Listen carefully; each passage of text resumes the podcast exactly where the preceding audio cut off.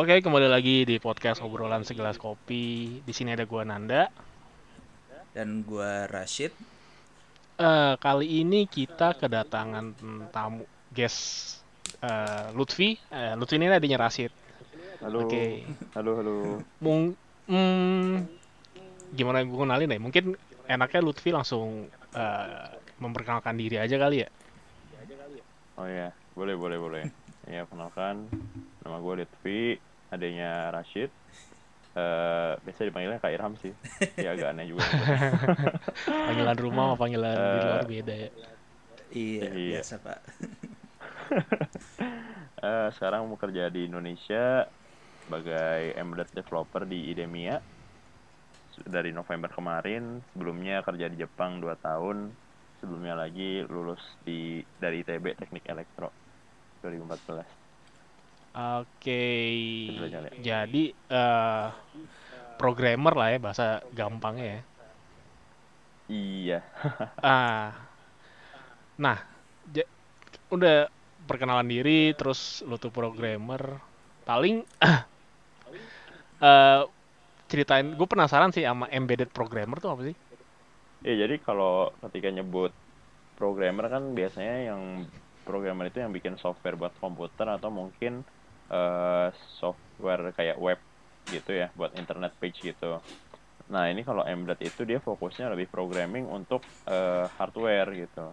Jadi kayak misal mungkin kalau di robotik atau mungkin kayak di mesin cuci kan ada chipnya juga ya. Hmm, Nah itu pemrogramannya itu namanya pemrograman embedded gitu Oh, di mana biasanya dia resource-nya lebih kecil dan programnya lebih spesifik gitu biasanya. Oh gitu, berarti eh buat langsung ke hardware-nya ya? Iya, spesifik untuk Oke, hardware-nya. eh, mungkin sekilas aja sekali. Nah, perusahaan lo nih hardware-nya tuh apa yang lo maksud tadi tuh? Ah, jadi kalau yang sekarang kan di IDEMIA ya. IDEMIA ini dulunya dia di Indonesia tuh sebenarnya namanya dulu Abertur. Terus kayak gabung sama perusahaan lain di merge jadi IDEMIA. Nah, IDEMIA ini sebenarnya produknya itu smart card. Smart card itu ya semua kartu yang ada chipnya lah, kayak kartu SIM, kartu debit, kartu e-tol gitu. Nah, pokoknya semua itu diproduksi di IDEMIA. Nah, di sini kita nggak cuma nyediain kartunya, tapi nyediain buat software yang nge apa yang ngejalanin si kartunya itu kayak yang ngurus potong tarik tunai saldonya atau mungkin kalau untuk SIM ya yang ngatur-ngatur apa tuh eh, SMS Hmm, atau ya macam macam-macam lah tergantung aplikasinya buat apa I gitu. see. Oke, kita udah dapet insight nih. Eh, jadi Lutfi ini programmer, embedded programmer, eh, smart card, smart card ya kartu yang zaman sekarang dipakai lah. Bukan cuma SIM Iya. card doang, cuman ya e-money lah yang penting buat zaman sekarang. Hmm. Oke, ka- buat kali ini kita nggak bakal deep dive tentang apa itu eh, apa eh, embedded programmer atau idenya itu sendiri. Kita di sini tuh gua gua tertarik banget ngebahas tentang eh, gimana ceritanya Lutfi tuh bisa kepikiran buat eh, kerja di eh, Jepang, terus bisa survive di sana 2 tahun, and then akhirnya balik. Oke, Hmm, nah jadi lu awalnya itu kepikiran ke Jepang tuh gimana, Vi?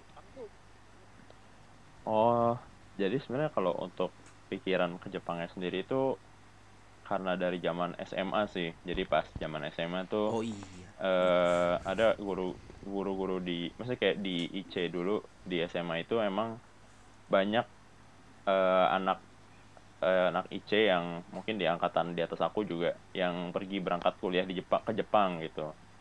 Jadi istilahnya dari zaman SMA tuh udah menunjuk dikenalkan lah dengan kerennya Jepang gitu. Jadi kayak dari SMA tuh kayak wah kayaknya enak nih kalau berangkat ke Jepang kayaknya pengen deh nyobain tinggal apa bekerja atau belajar di Jepang gitu. Nah, dulu pun sebenarnya udah sempat daftar kuliah ke Jepang, tapi kemudian alhamdulillah diterima undangan di ITB, jadinya dilepas dan ngambil yang di ITB. Nah, tapi selama kuliah di ITB pun masih kepikiran tuh kayak pengen deh kalau nggak S2 di Jepang atau enggak apa deh pokoknya bisa ke Jepang gitu Hmm. jadi kayak pokoknya masih ada tuh kepingin Hasratnya keinginan masih dari ada lah ya. itu Eh, hasratnya hasratnya masih ada Heeh.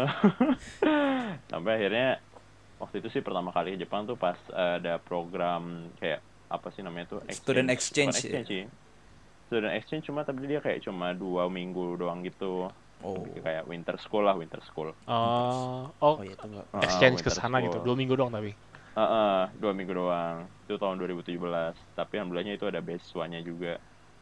Ah, terus ya dari sana itu kan jalan-jalan aja ya. Maksudnya ya belajar sih cuma ya belajar dua minggu. Iya. Ya nggak dihitung ya. Intinya cuma jalan-jalan kan waktu di sana. Iya, jadi cuma jalan-jalan gitu. Terus kayak wah asik ya ternyata Jepang ya. Makin pengen tuh jadinya. Terus sampai akhirnya tahun terakhir tingkat 4 sebenarnya tingkat 3 sih. Tingkat 3 tuh ada tahu pertama kali ada program namanya namanya ASEAN Recruitment Project. Dia itu istilahnya eh dia dari Revo Community, dia kerja sama sama ITB sama UI. Oh. Jadi di sini kita daftar ke program ini, terus kita belajar bahasa Jepang gratis. Pokoknya dari bulan Februari deh, Itu salah. sebelum lulus dari kan? bulan Februari sebelum Ah. lulus, sebelum lulus. Jadi masih masa Ah. kuliah, mulai belajar bahasa Jepang sama guru dari mereka. Terus sambil belajar bahasa Jepang, mereka nyediain lowongan kita buat kita daftar. Oh, oh berarti apa Mm-mm. ini tuh belajar bahasa Jepangnya tuh cuma kayak sekitar 6-7 bulan doang ya? Iya, emang emang. Oh, ki- kirain tuh udah dicicil dari awal-awal gitu loh. Oh enggak enggak enggak. Makanya pas apalagi waktu itu kan aku tuh kapan ya? Bulan Ap bukan April deh, Eh, Juni deh kayaknya. Juni ya. Juni apa Mei ya? Pokoknya Juni deh kayaknya. Tahun 2018. Juni tuh Oh, Juni 2018 udah wawancara sama yang waktu itu kan daftarnya ke Pasonatek ya. Yang diterima juga lewat Pasonatek. Nah, itu tuh wawancaranya tuh bulan Juni. Sedangkan baru belajarnya kan bulan Februari. Berarti sekitar baru 4 bulan kurang lah. 4 bulan dan itu pun nggak masuk tiap hari juga gitu. Harusnya kan tiap hari masuk 3 jam ya. Senin sampai Jumat. Anjir. Nah, ini makanya makanya emang seleksinya seleksi alam gitu. tapi, tapi kan Awal-awal tuh tapi 40 waktu itu bukannya yang katanya ini deh. Apa namanya? Eh kamu kuliahnya udah nggak banyak kan di semester terakhir itu? Enggak, cuma kan eh ya kan skripsi atau apa ya. Saya kan waktunya juga sore, Oh, iya iya iya, iya. paham sore. Jadi kayak kadang ya ada yang lain mau dikerjain apa apa gitu. Hmm. Iya. Ya pokoknya waktu itu kayak awal daftar tuh kalau nggak salah 40 atau 50 kayaknya 40 deh, 40 orang ada kan. Terus kayak sampai aku sebelum berangkat tuh tinggal bertujuh apa. Anjir. Jauh banget yang hilang banyaknya. Banyak banget yang hilang. Nah, iya. Tapi kayaknya emang gitu sih dari tahun-tahun sebelumnya juga. Eh, tapi yang apa yang program yang lu ikut itu tuh berarti anak ITB semua. Iya, karena di situ tempatnya di ITB. Oh. Tapi ada anak UI juga kan di situ yang di program Anak itu. UI ada, cuma ya mereka belajarnya di UI. Hmm. Oh. Mm-mm. Eh, apa? Itu yang tujuh tujuhnya tuh ikut ikut berangkat kayak sama lu juga gitu.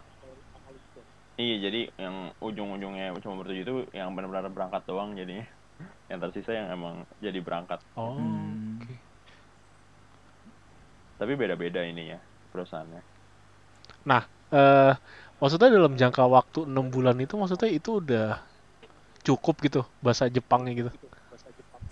Eh enggak sih. Soalnya, Ya, so- soalnya kan ya- gue ngebayangin ya- kayak Jepang itu tulisan apa jenis hurufnya tuh beda banyak Emang, terus emang. ya gue nggak ngerti lah gue kalau baca komik nonton anime ya gitu apa ada hiragana apalah gitu gitu lah iya, iya, iya. Kanjinya sih kanjinya. Kanjinya kan banyak banget. Nah itu ya nggak bakal cukup sih 6 bulan tuh. nah tapi Cuma ya gimana lu survive itu cukup-cukupin. oh itu jadi ya gimana ya? Eh, pasti bulan pertama. Jadi ini kan waktu itu kan kalau bahasa Jepang itu ujiannya ada tingkatannya ya. Paling gampang itu N5, paling susah itu N1. N1 tuh udah kayak native banget lah. Hmm, Nah, terus kayak waktu itu sebenarnya kayak ada kejaran dari si lesnya itu sebenarnya N3. Oh. Cuma kayak kan aku waktu itu berangkatnya bulan November ya. Kayak kalau dari bulan kalau pas bulan November tuh nggak kejar tuh N3 kayak masih setengah jalan gitu Hmm. jadi kayak waktu itu aku maksain belajar mandiri buat ngejar N3 sebelum berangkat jadi waktu itu ngambil tes bulan Oktober terus ngambil tes N3 terus alhamdulillah ternyata lolos lulus N3-nya gitu kan nah, kan pede kan Berarti oh, udah ini berangkat, ya, udah pure N3. desperation itu berarti ya deh. Iya, istilahnya kayak I need this to survive gitu kan. Tapi kayak gitu. ya udah pede kan. Oh, udah N3 nih, udah N3 aman lah, aman tenang lah di sana bisa lah gitu kan. Terus begitu nyampe, terus begitu ketemu sama orang pas Sonateknya itu kayak tiap ngomong tuh kayak ah, apa apa apa boleh diulang sekali lagi gak? Iyalah, Terus cuma bisa dia ngomong apa lagi kayak oh iya iya iya cuma iya. 8 8 Kayak bulan. gitu.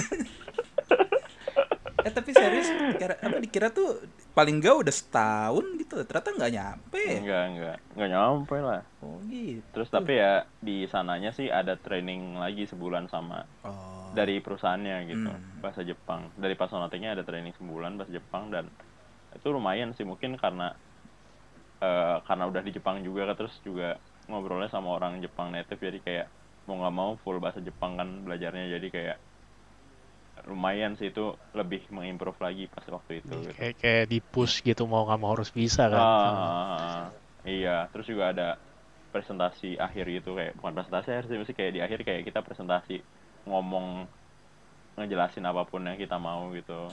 Kayak oh ya itu lumayan sih. I see. I see. Berarti ya tapi ya iya sih 6 bulan mau nggak mau di push jadi lo harus bisa oke oke nice man keren keren nah, ah, nah, si Pasona ini berarti agentnya gitu berarti ya? Iya, jadi pas saat ini dia outsourcing company. Berarti eh, kalau Iya. misalnya nih ada ada ada orang maksudnya nggak harus anak UI ITB, cuman mau eh, mau Mhm. ikut program yang kayak lu, ke langsung ke Pasonanya itu bisa gitu. Eh kalau langsung ke Pasonanya sih biasanya kalau kita mau misal dari Indonesia mau langsung daftar ke perusahaan Jepang itu bisa, cuma biasanya mereka require bahasa Jepangnya dulu. Hmm. Hmm. Jadi ya ini untuk belajar bahasa Jepangnya itu ya dari nyari-nyari program yang ada di Indonesia gitu. Oh, tapi, eh, Cuma ah, ah. iya, cuma sebenarnya sekarang tuh udah banyak juga sih program di Indonesia udah banyak terus perusahaan Jepang yang welcome dari Indonesia yang belum jago bahasa Jepangnya juga udah banyak juga gitu. Jadi ya pasar pinter-pinter nyarinya bisa-bisa aja sih. I see. Oke, oke, keren sih. Ya, gua gua, penasaran aja sih maksudnya kan eh, gua dan lingkungan gua tuh apa lingkungan kampus gua sih dulu tuh nggak pernah kepikiran keluar negeri hu- buat kerja gitu. Kalau teman-teman gua tuh biasanya keluar negeri ya buat lanjut kuliah lagi. Jadi pas eh, Rashid waktu itu cerita sama gua apa adenya ade ade gua eh, kerja ke Jepang, hah?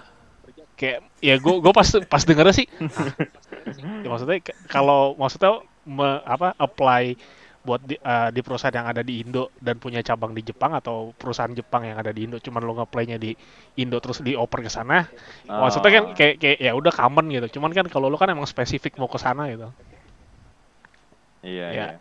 unik sih pas dulu Rashid cerita sama gue lah keren juga kayak begitu oke nah mm, gimana nih kalau lu bandingin apa ba- apa sih hal-hal yang paling beda Ma, bentar, Ma. eh, dibanding di sini dan sana iniin Kak Irham. Apa ya? Ini dari aspek apa nih soalnya banyak. Eh, dari Baik, ini aja deh, ya. misalnya dari kayak kehidupan sehari-hari sama nanti baru misalnya kayak ini kerja lingkungan kerja kan soalnya kan kamu kan udah apa namanya Oh, kerja iya. di sini tiga bulan jadi kayak punya bayangan lah ya kan bisa bedanya Oh, tuh iya. gimana Kalau keseharian sih apa ya? Eh mungkin karena coba disebutin yang kepikiran Hmm. aja ya. ah Paling yang pertama kan karena negara empat musim ya. oh iya Jadi jam subuhnya geser-geser. oh Terus apalagi pas waktu itu pas summer terus pas puasa ya. Oh jam setengah tiga sahurnya eh subuhnya. Jadi kayak aduh. Itu sih itu momen-momen kayak aku nggak mau lama-lama di sini. oh iya itu tuh ya Gitu. kebetulan pas dapatnya yang sambar lagi panjang apa emang biasanya kayak gitu iya apa tadi? Oh iya. jadi kan kalau summer tuh kan jadi kayak eh anggaplah kan sebelum summer tuh apa spring ya jadi kalau spring kan dari winter deh dari winter tuh kan kayak paling telat-telatnya tuh kayak jam 6 baru subuh gitu. Hmm, hmm, hmm. atau pernah setengah tujuh ya? Oh enggak enggak jam 6 baru subuh terus kayak jam 7 baru terbit tuh bisa lah winter tuh paling paling jauhnya segitu paling mentoknya segitu. Nah tapi begitu dari winter ke spring terus ke summer kan mundur terus ya jadinya ya. Nah terus itu sebelum puncak summer tuh mentok turunnya itu ya sampai setengah tiga gitu nah itu biasanya bulan bulan apa ya kayak bulan Mei, Juni gitu lah ya. Hmm, belum Juni. Juni kan puncak summer. Oh. Jadi sebelum puncak summer tuh udah mentok jam subuhnya gitu. Itu paling Dan- paling po- pagi jam berapa tuh? Oh, nggak. Iya ingatnya sih setengah tiga sih. Dan waktu itu pas kita lagi puasa itu loh nan kan Iya, lagi 2008 puasa, eh makanya. 2019 2020 kan Iya, puasanya 2019. Mei sama Ap Juni ya waktu Eh, itu. Mei sama April. Nah. Iya, eh Ap- April Juni Mei ya. itulah. Itu sebagian ada yang Juni. Eh itu buka Hmm. eh, maghribnya jam berapa tuh? Nah, kalau summer, kalau di Jepang jam 7 sih sam apa maghribnya kalau summer ya. Oke. Jadi setengah tiga terus maghribnya jam 7. Itu yang paling mentoknya segitu gitu. Ya masih mending lah kalau dibandingin Inggris mungkin. Oh, lumayan lumayan banget iya itu yang paling keinget sih terus mungkin kalau yang lain kayak ini sih eh transport kali ya kan full kereta ya Hmm. jadi apa ya mungkin aku nggak tahu ya kalau KRL di sini tuh kalau rush hour penuh banget ya. Oh iya. Kacau kok. Ah, ah, ah. Mungkin di Jepang juga kalau yang rush hour-nya banget juga sepenuh itu, cuma lebih teratur kali ya, karena platformnya lebih gede sama orang-orangnya juga lebih teratur lah gitu. Tapi ramenya sih mungkin sama kalau di rush hour-nya banget.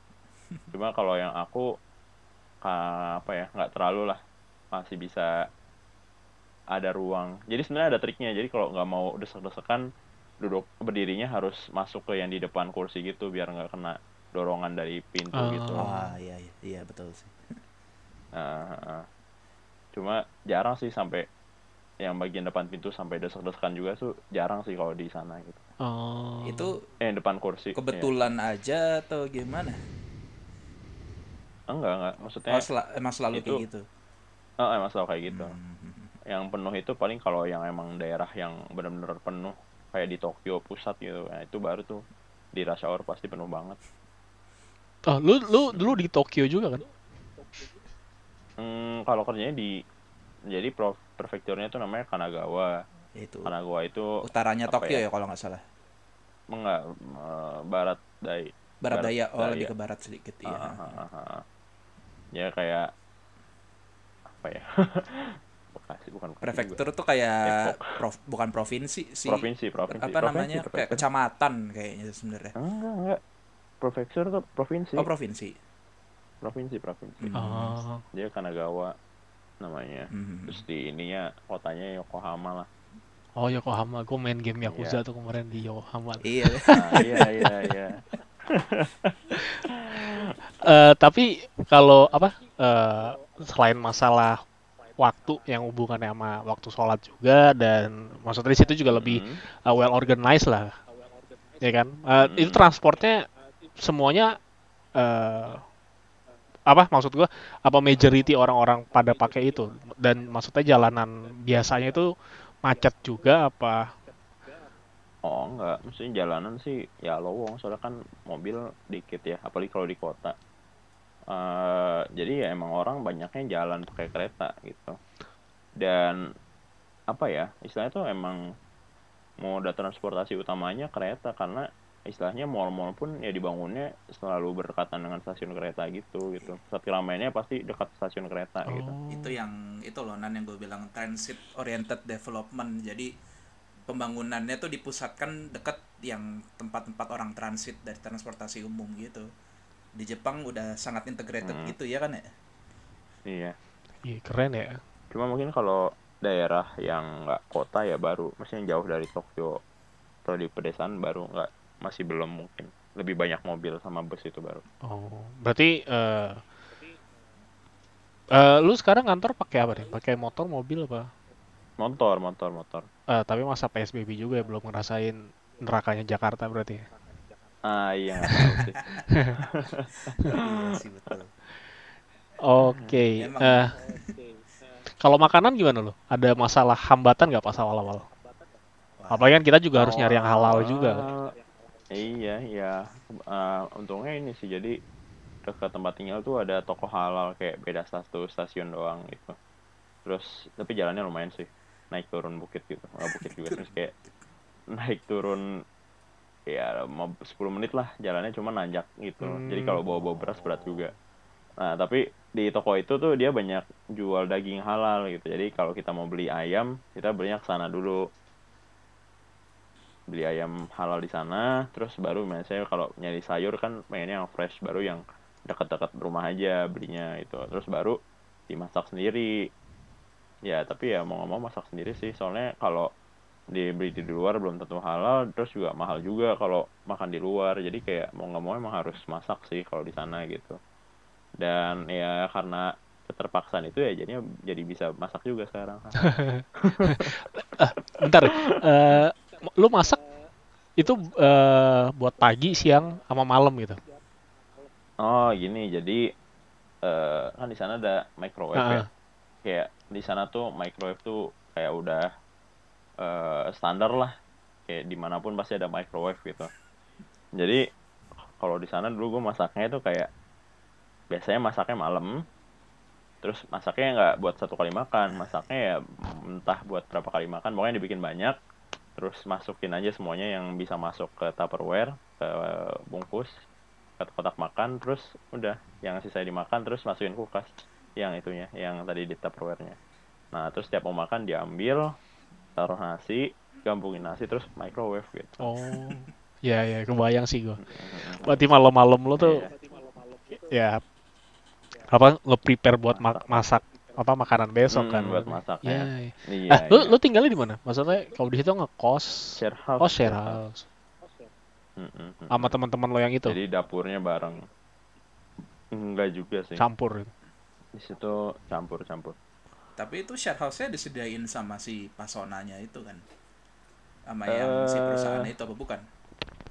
Enggak juga sih mereka lebih ke ada kerja sama sama pengelola share house-nya gitu. Oh. jadi dapat potongan 15.000 yen cuma ya masih bayar 47.000 yen kita per bulannya. 47 iya emang standarnya cuma ya itu emang ya kalau apartemen itu biasanya ya rata-rata kalau daerah situ emang 50.000 60.000 what iya itu standar di Oh, Tokyo di bukan Kana- di 40 Yoka- gitu. Kanagawa tuh 40 bisa itu tapi harus nyari pinter-pinter Hmm. nyari dan nggak mungkin deket Tokyo banget sih Pasti Hmm. daerahnya agak jauh Itu sekitar 6 jutaan berarti ya?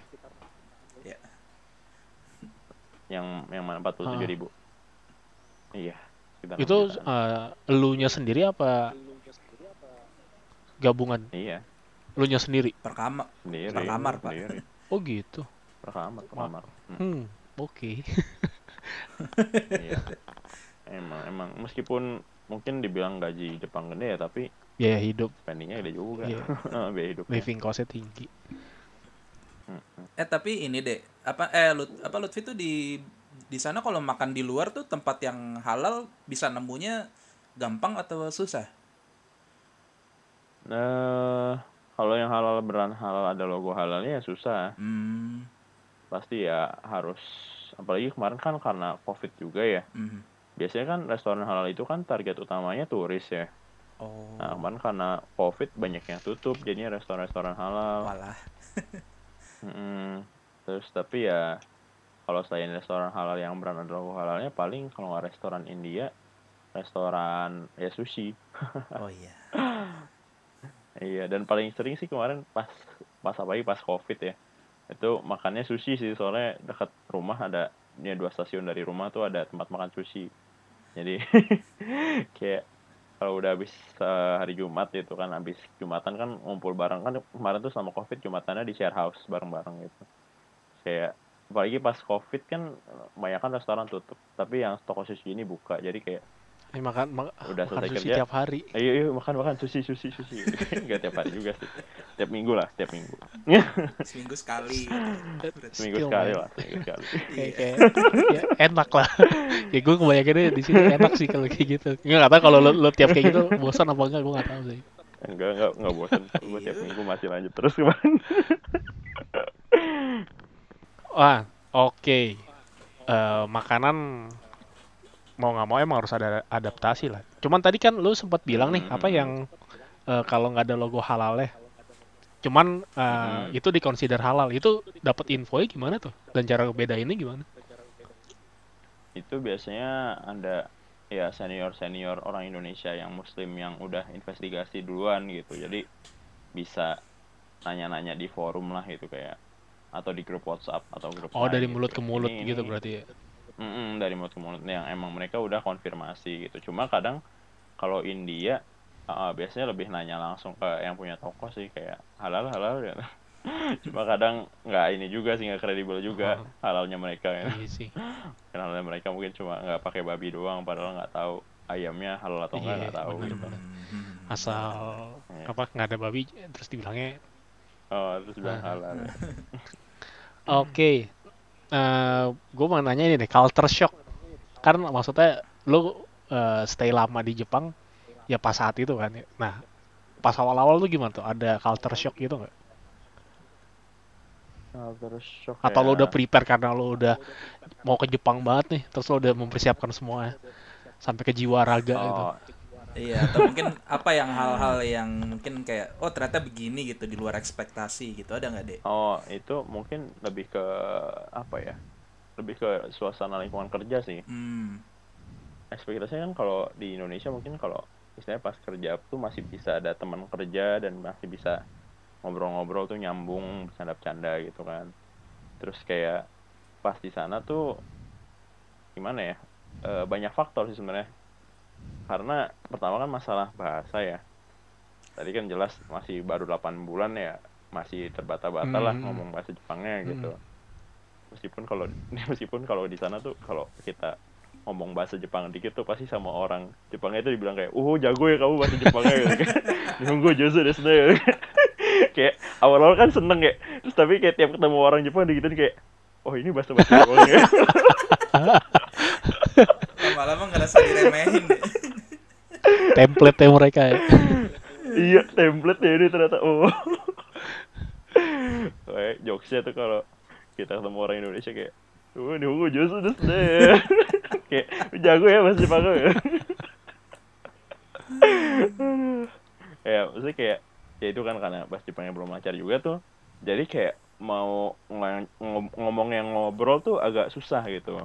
Ke orang Jepang rekan kerja gitu itu satu terus yang kedua ya namanya beda budaya ya jadi kayak mau bercanda pun atau kayak apa yang jadi bahasan pun nggak nyambung gitu kan maksudnya nggak tahu nggak bakal langsung nyambung gitu ya, dan Ah. bahkan kalau budaya pop culture-nya Jepang pun tuh nggak semua orang Jepang tuh into pop culture mereka sendiri gitu. Hmm. Oh gitu. Iya, jadi kayak yang kayak namanya anime atau game tuh ya nggak semua orang Jepang into itu gitu. Bahkan ya itu lebih ke lebih kayak eh apa istilahnya? Ya beda eh, golongan sendiri lah Hmm. gitu. oh Hmm, gitu Terus eh, eh, Iya jadi kayak mau bercanda kan juga bingung juga ini mau bahas apa juga bingung gitu dan terus juga istilahnya tuh mereka tuh di dunia kerja tuh ada benar-benar memisahkan kehidupan privat sama kehidupan kerjanya gitu jadi kayak Ah. Nggak bisa lah kita terlalu menggali ba apa personal mereka gitu. Dan itu mungkin bisa tapi itu biasanya pas pesta minum-minum gitu kayak udah pulang kerja udah lembur terus baru mereka minum-minum. Cuma kan kalau gue di sana kayak hampir nggak pernah lembur gitu. Benar-benar hampir nggak pernah lembur gitu. Oh gitu. jadi begitu tank iya iya. Jadi begitu bel ya udah langsung balik. Jadi ya nggak ada lah momen-momen kayak gitu tuh nggak ada gitu Hmm. terus juga faktor lain tuh yang paling apa ya menurut aku berpengaruh juga tuh ini sih pas pertama kan kenalan kan kayak saya Lutfi terus kayak umurnya dulu berapa berarti dulu dua dua gitu kan kayak terus kayak pada responnya kayak wah muda ya muda ya gitu kan kayak kok muda banget biasa aja kali dua-dua gitu kan terus kayak eh soalnya kan ngeliat muka yang lain kayak kelihatannya masih muda-muda aja gitu. Kayak bayangannya paling ya 28 atau mungkin 30-an awal lah gitu kan. Ah, terus pas balik ke kursi gitu kan kayak nanya ke yang sebelah kayak kenapa tadi gue bilang muda banget? Emang rata-rata umurnya di sini berapa? Gitu kayak oh ini kita semua di atas 35 semua kayak oh?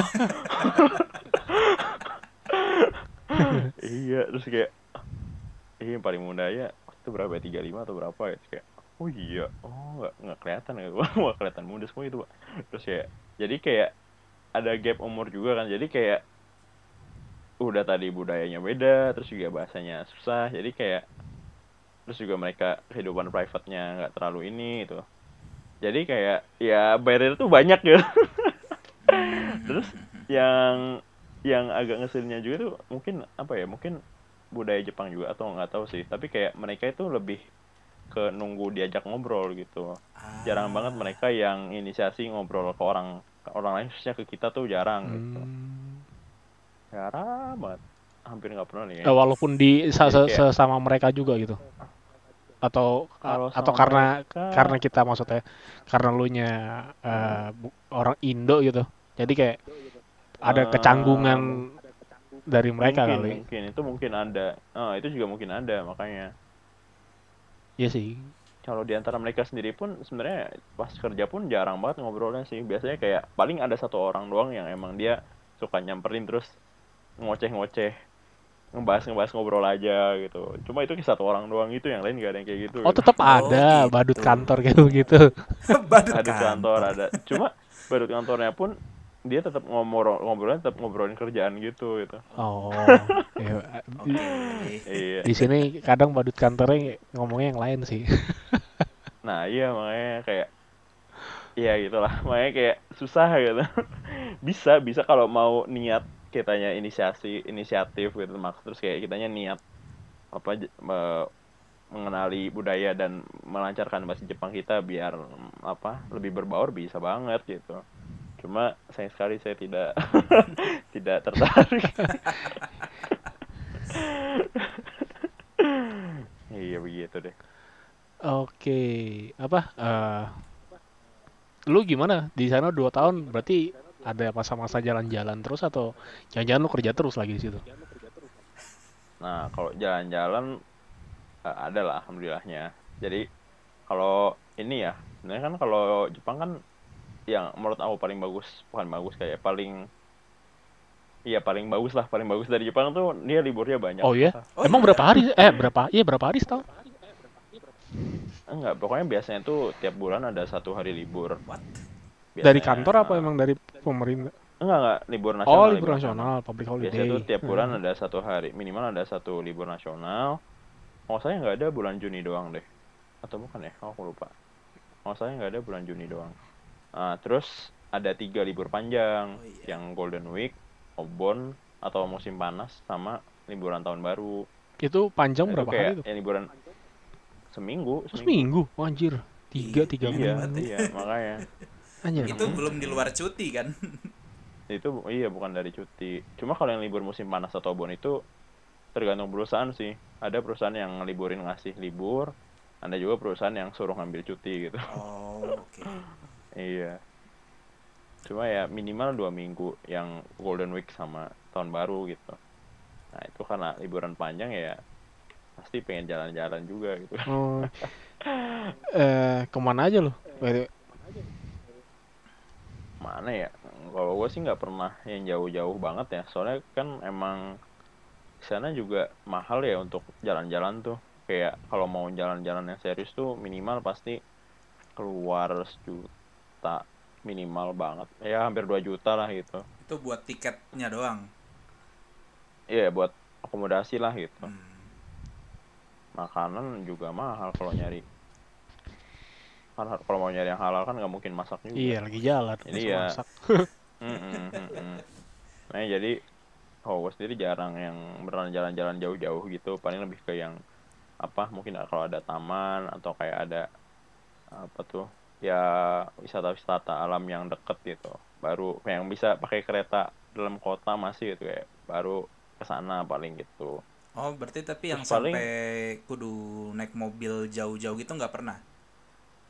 Hmm, pernah cuma paling kayak waktu itu ikutan dari jamaah Masjid Indonesia gitu. Mhm. Kayak nebeng ikutan program-program aja kayak ikut ikutan aja gitu. Nggak pernah yang bawa sendiri, maksudnya nggak- nggak pernah yang kegiatan sendiri gitu. Hmm. Paling pernah waktu itu yang paling memorable sih pas ski sih.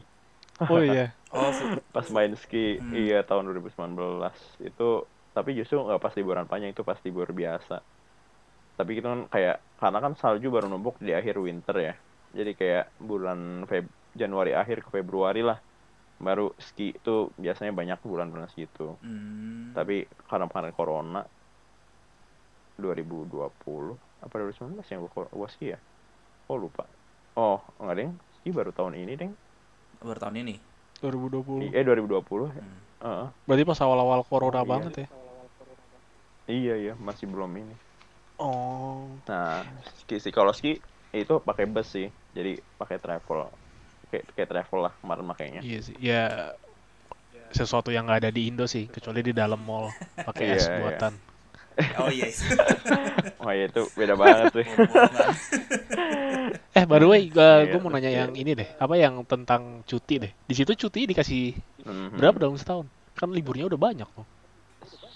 Tergantung tergantung perusahaan.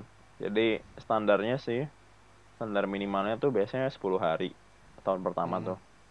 Tapi nambah terus gitu. Tapi ada juga eh, nambah terus, tergantung perusahaan juga tapi nambahnya berapa. Tapi ada juga perusahaan yang baru tahun pertama tuh udah ngasih 15 atau 15 ada, 20 juga ada gitu. Set tuh 20. Nah, lu lu Hmm, kemarin makanya- dapat berapa? Tapi itu jarang, jarang, jarang. 10, 10, 10. 10. Emang standarnya standarnya 10 sih. Oh. 10 hari kerja Hmm. di tahun pertama tuh. Hmm. Banyak. Tapi itu gue denger-dengar katanya kalau orang Jepang tuh pada nggak jarang ngambil cuti ya. Eh, kayak tergantung deh. Oh, Kalau yang di perusahaan kemarin kerja sih pada ngambil sih rutin. Oh. Kayak sebulan minimal ngambil satu atau dua lah. Hmm. Bahkan ada yang apa?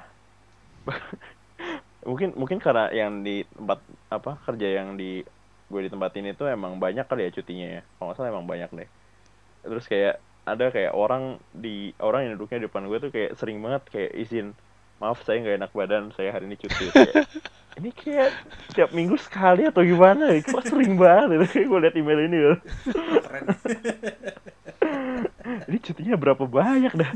Soalnya kan cutinya nggak pakai nggak nggak dibedain. Cuti sakit sama cuti biasa tuh. Nah, Oh. Hmm, jadi iya. Makanya apalagi waktu kemarin tuh kan 10 hari ya. Terus pernah tuh sa apa sakit. Pernah sakit kayak aduh sayang banget jadi harus pakai cuti gitu Di sini juga nggak tahu ya kalau di Indo di Indo kan 12 hari buat cuti kalau sakit bisa izin. Kalau di perusahaan gue yang sekarang sih Hmm. eh, kalau sakit dikasih 14 hari sih. Jadi antara cuti sakit sama cuti liburan beda. Cuman nggak tahu.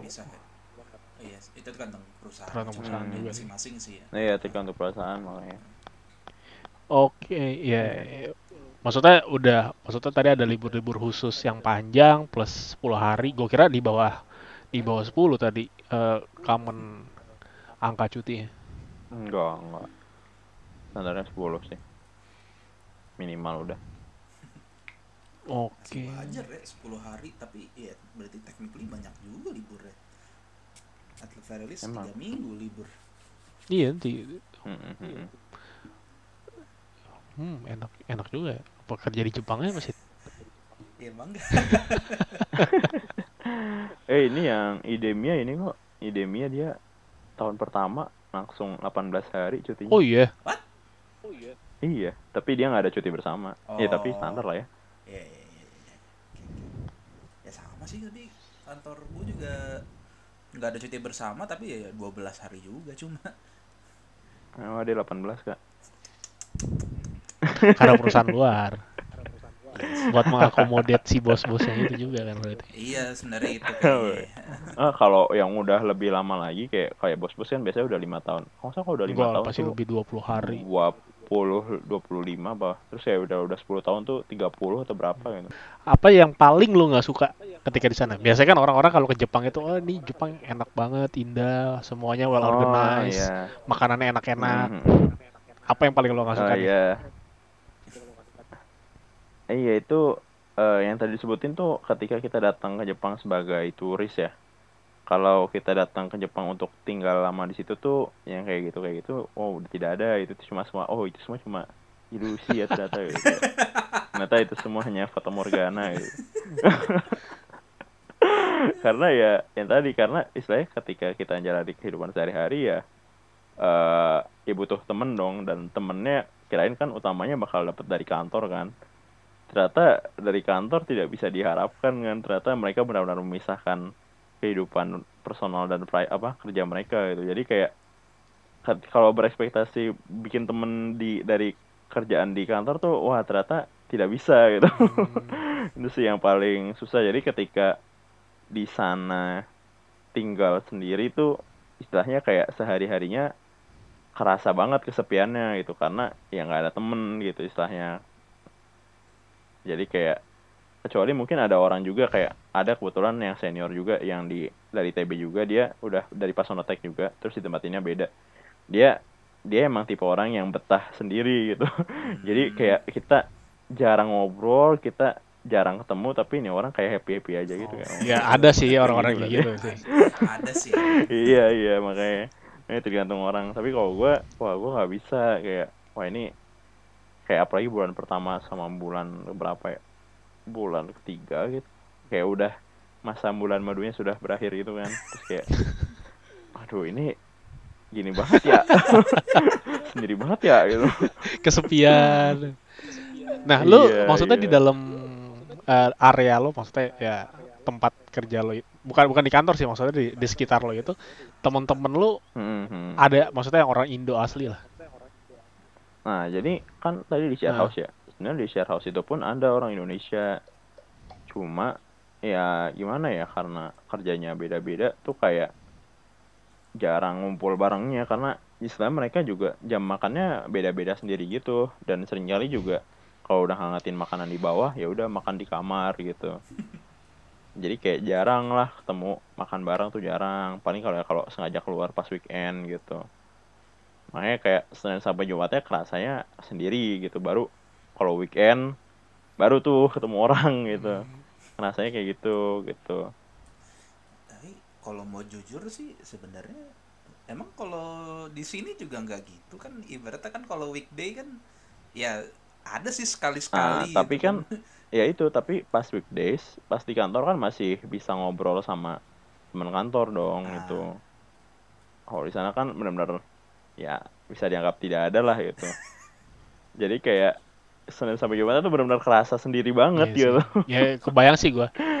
Maksudnya gue dulu kan Heeh. juga sempat kerja dua tahun di Balikpapan, even walaupun di masih di Indonesia juga. Cuman gue berasanya ya lingkungan eh, saat itu itu gue ngerasa lingkungan gue lingkungan kantornya tuh ngebosenin banget. Jadi kayak eh, Hmm. pagi gue ketemu nih orang, sampai gue mau tidur gue ketemu nih orang lagi dan maksudnya nggak punya teman di luar kantor juga terus kayak berasa anjir lah bosan banget gitu. Maksudnya ya feel feelnya beda lah di- dibanding lo ada di Jakarta. Eh, Kalau ya di Jakarta kan eh, lagi bosan nih, gue bisa eh, let's say gue bisa ngontak Rasid, eh ngopi yuk gitu pas zaman sebelum corona gitu kan. Ya kalau di kota Hmm. dulu pas gue di Balikpapan ya kayak ah, bosen ya nongkrongnya di lagi di lagi aja gitu. nah iya iya Dan iya. gue gue gue gak gue gak kebayang lu gimana di sono yang di Jepang yang lingkungannya bahasanya aja udah beda gitu bahasa ibunya udah beda gitu. Nah, iya. Keba- kayak kayak iya tapi gue salut juga tuh bisa survive juga dua tahun di situ Eh, Oh, karena gimana ya kalau di sana alhamdulillah sih kalau dari sisi kerjaan sih nggak ada masalah justru senang-senang aja dari sisi kerjaannya gitu. Enak luar justru kerja menikmati. ya. Ah. Justru pas sama yang disuka gitu. oh eh, tapi secara profesional lingkungannya gimana tuh sama orang ibaratnya lu bisa dibilang orang asing dan pas lo masuk lu juga bukan yang higher up position juga kan Mm-mm, mm-mm. Enggak enggak. Tapi emang kan emang apply-nya sebagai engineer kan istilahnya ya emang ya diposisikan sebagai engineer gitu dan kalau dari sisi pekerjaan sebagai engineer sih nggak ada diskriminasi apa apa sih bahkan kayak termasuk yang diandelin juga lah kemarin gitu Wow, nice. jadi kayak nggak ada diskriminasi apa apalah gitu dan kalau emang mungkin tapi kalau buat ngincar yang posisi posisi lah Hmm. gitu itu mungkin ya butuh wow experience dan waktu yang Oh, lebih iya lama sih. karena emang di sana tuh mereka berjenjang dan senioritas banget jadi kayak nunggu benar-benar si yang manajernya itu resign baru ada posisi kosong gitu istilahnya gitu Hmm. karena Jepang tidak memecat orang gitu Oh iya. perusahaan Jepang tuh tidak Oh, memecat iya? orang Hah? Serius? Iya, iya jadi ya itu mereka jarang nggak tahu ya entah kompensasi dari pemecatan itu susah apa mahal banget atau gimana nggak tahu hukumnya gimana mereka. Cuma mereka tuh hampir tidak ada memecat orang. Biasanya mereka justru misal ada yang nggak nggak klop gitu ya orang ini biasanya dipindahkan dimutasi ke daerah yang terpencil atau yang menyusahkan dia sampai akhirnya dia resign sendiri gitu. Oh. Mm-mm. Biasanya kayak gitu.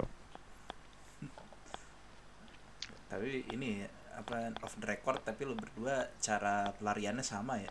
Beli konsol game. Enggak juga sih kalau Kalian baru beli Switch tuh kapan? Pas 2019 tengah akhir nggak sih? Bulan oh, akhir tahun gitu ya. Agustus apa ya? Yang CTR keluar pokoknya.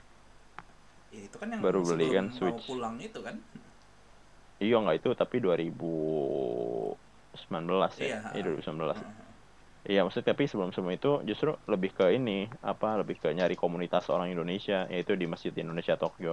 Oh. Jadi kayak dari situ dulu 2019 ya sebelum corona ya banyak kegiatan jadi kayak masih lumayan enjoy lah gitu. Seenggaknya Sabtu minggunya bisa ngecas lah gitu.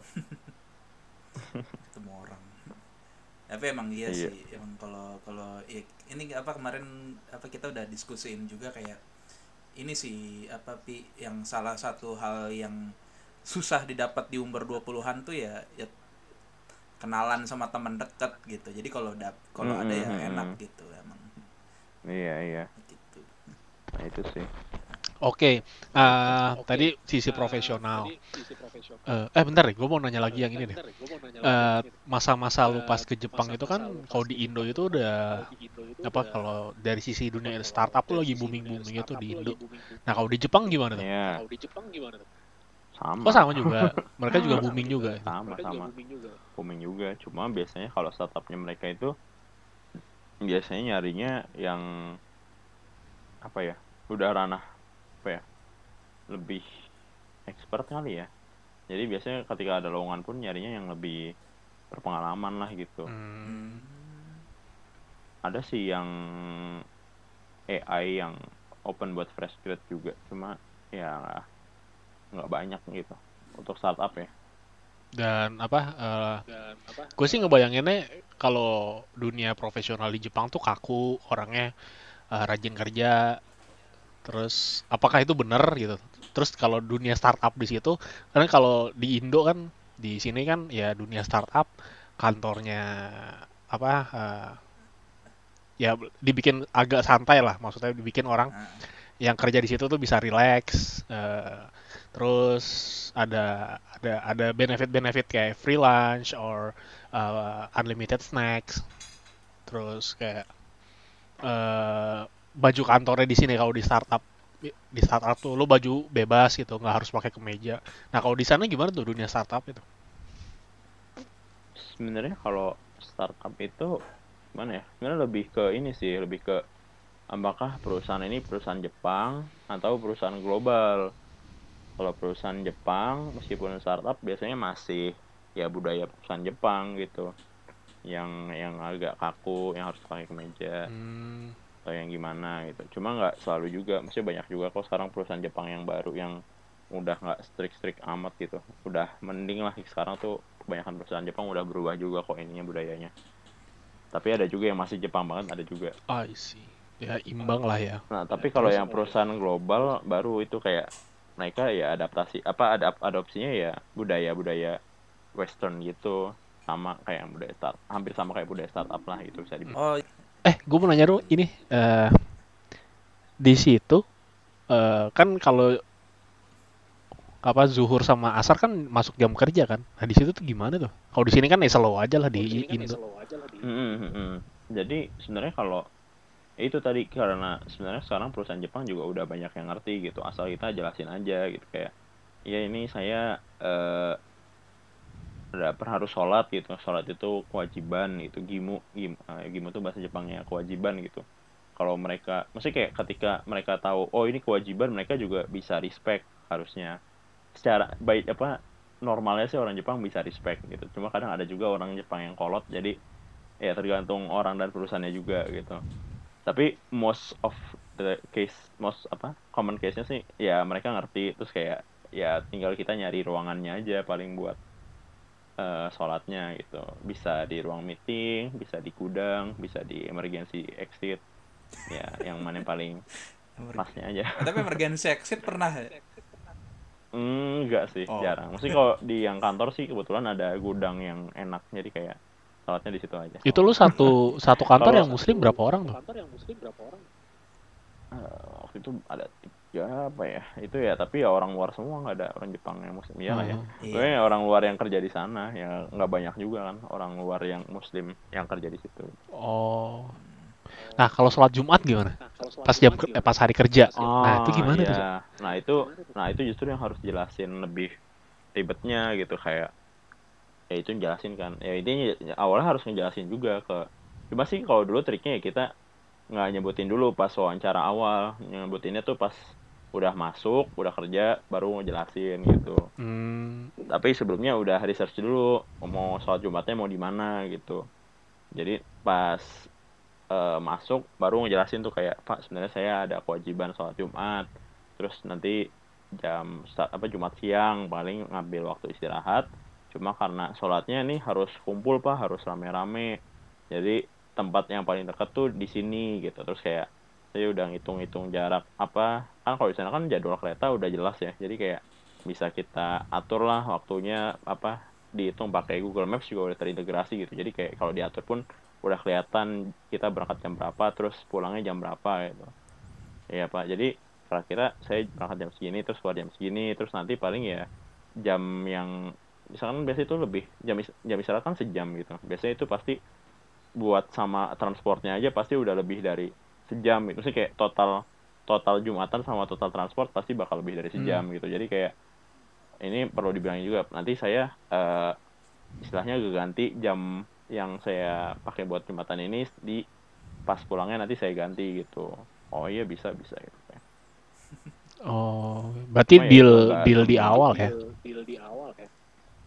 Dealnya sebenarnya nggak di awal kayak itu udah diterima dulu baru di ngomongin kayak jadi jackpot deh. iya iya iya Oke, yap, yap. Itu berapa lama loh? eh, dari kantor ke tempat biasa lo sholat Jumat? Eh, jadi kalau dulu sih kalau dulu tuh berapa ya sekali jalan 20 menit gitu eh kayak kereta ntar lupa iya pakai kereta 20 menit pokoknya intinya nambah kurang lebih 50 atau 40 40 menit Hampir deh dua kayaknya. jam berarti. nambah PP. ini. hampir dua jam maksudnya total total berangkat maksudnya total perjalanan sama sholat Jumat tuh ya hampir dua jam lah gitu Hmm. Hmm. Hmm, menarik juga. Ingat waktu kemarin dia waktu baru pulang tuh kan dia kan nanya ke gue yang soal ini apa namanya Transjakarta. Dia bilang tuh katanya oh kalau di sini nggak fleksibel ya ininya apa namanya eh, transportasi umumnya tuh kalau di Jepang waktu itu dia bilang Lutfi bilang tuh kayak katanya oh semuanya serba tepat waktu semuanya serba sesuai jadwal gitu iya kan itu yang paling oh missing iya gitu kan Kalau di sini fleksibel iya kok. itu lebih ke Iya, Plus fleksibel menit tergantung. Plus minus 30 menit. fleksibel. Kayak katanya bukan fleksibel sih kayak lebih ke busway sih. Busway itu kayak nggak bisa diprediksi Iyalah. banget ini datangnya jam berapa. Terus kalau KRL sama MRT kan masih jelas ya.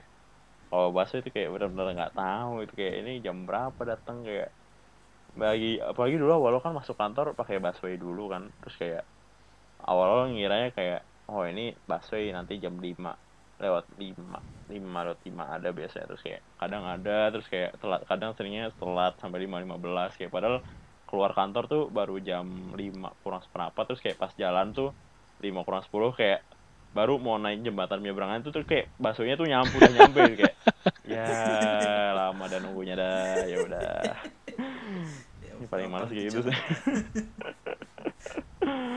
Ya, soalnya kan trafficnya beda kan juga kan di sini. ya beda juga kan Yes. Iya cuma mungkin lebih ke karena volume apa jumlah mobilnya juga nggak Iya. banyak Nggak gitu kayak di Iya. Betul, betul. mm-mm. Lah, itu ya paling. Armadanya lebih banyak mungkin.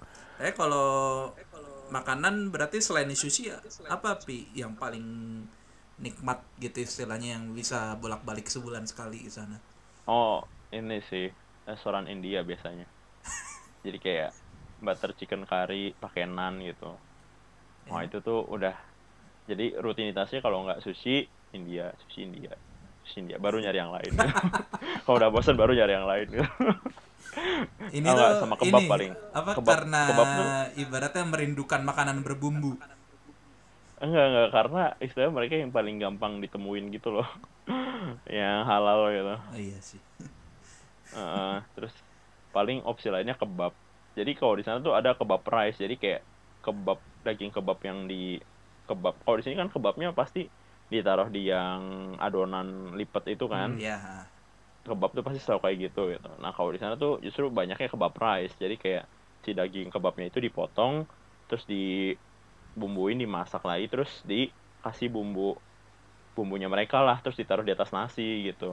Oh, Jadi daging kebabnya tuh makannya pakai nasi Iya iya, gitu. kayak ini kayak halal guys di Hmm. Indo Halal sini. ya. guys di Indo Oh iya sih. sini. Oh iya ada. Oh, nggak ada, tahu, ada. nggak tahu. Nah, Iya, itu pokoknya kebab rice kayak terus yang India sama sushi paling sering lah gitu. Terus kayak pada tuh kepikiran pas lagi kerja di sini gitu kayak lagi siang-siang terus kayak anjir pengen makan kari India deh. Gimana ya? terus kayak coba lihat-lihat di Google kayak lah kok ada yang mahal-mahal semua tempatnya Iya, waduh ya iyalah. Oh iya, iya di sini mahal.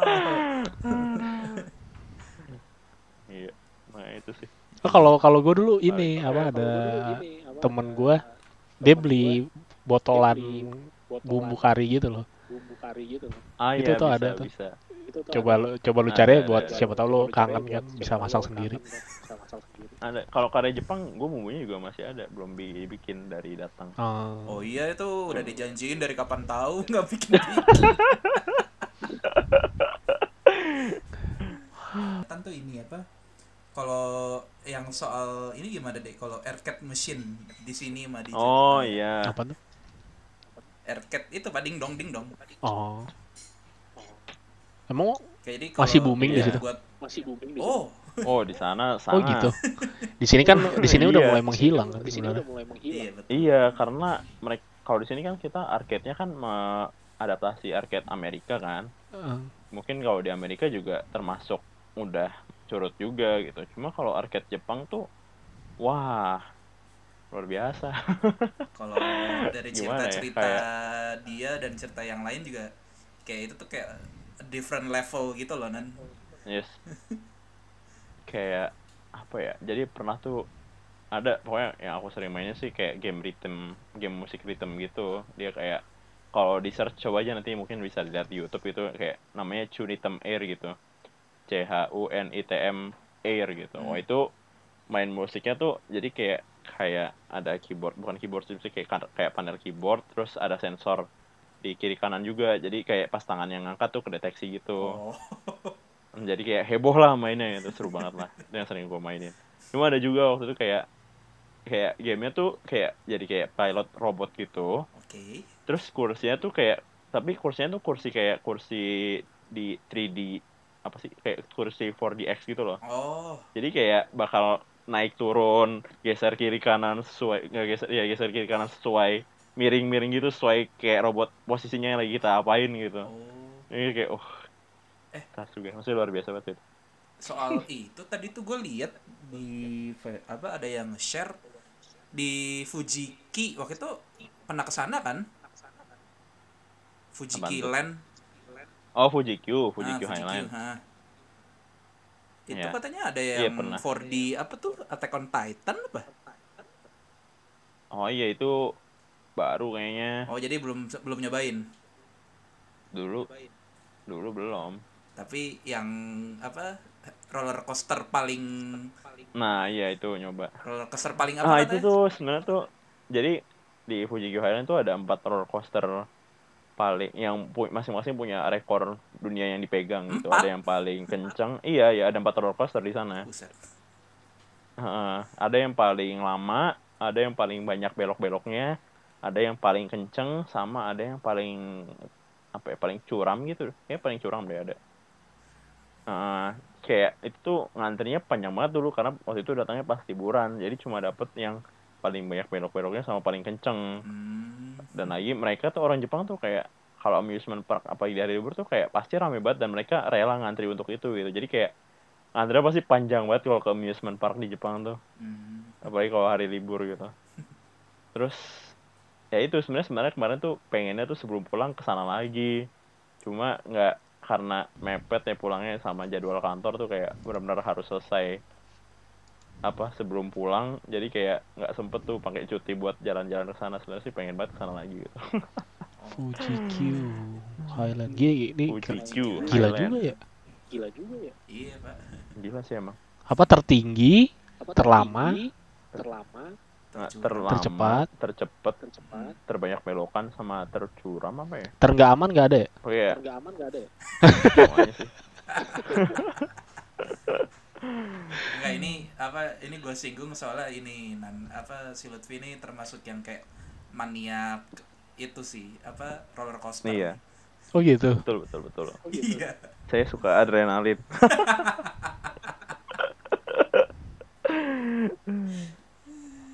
Oke, oke. Kalau dari gue gitu aja kali ya dari kita. Iya. Kita iya, juga ada bener. banyak insight tentang gimana, maksudnya asal usulnya kenapa Lutfi tertarik ke Jepang dan bisa maksudnya bisa kerja di Jepang, pengalamannya dia gimana. eh ini pengalaman bukan dari orang yang ke Jepang cuman buat liburan doang, cuman ini orang yang ke sana buat hidup, buat kerja Ker- dua iya. tahun. Jadi ya beneran ngerasain Jepang aslinya kayak gimana lah. Ada guide lah. Berarti udah ada guide kalau ke Jepang. nah ya Oke. Oke, Oke. gue ngucapin dulu selamat buat Lutfi selamat yang seminggu lagi bakal nikah. Semoga lancar semuanya, semoga jadi keluarga yang Thank you, thank you. bahagia Keluarga selalu. yang Bahagia selalu.